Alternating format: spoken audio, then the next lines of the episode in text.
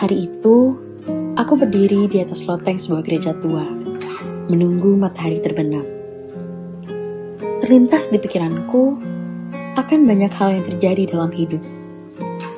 Banyak kegagalan, kehilangan, serta penyesalan. Aku selalu berkata bahwa setelah kesedihan akan datang kebahagiaan.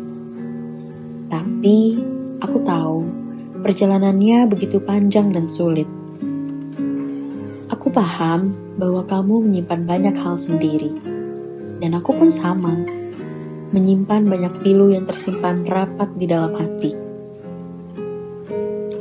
Kita semua pernah gagal, pernah jatuh, dan kadang takut tak bisa bangkit lagi.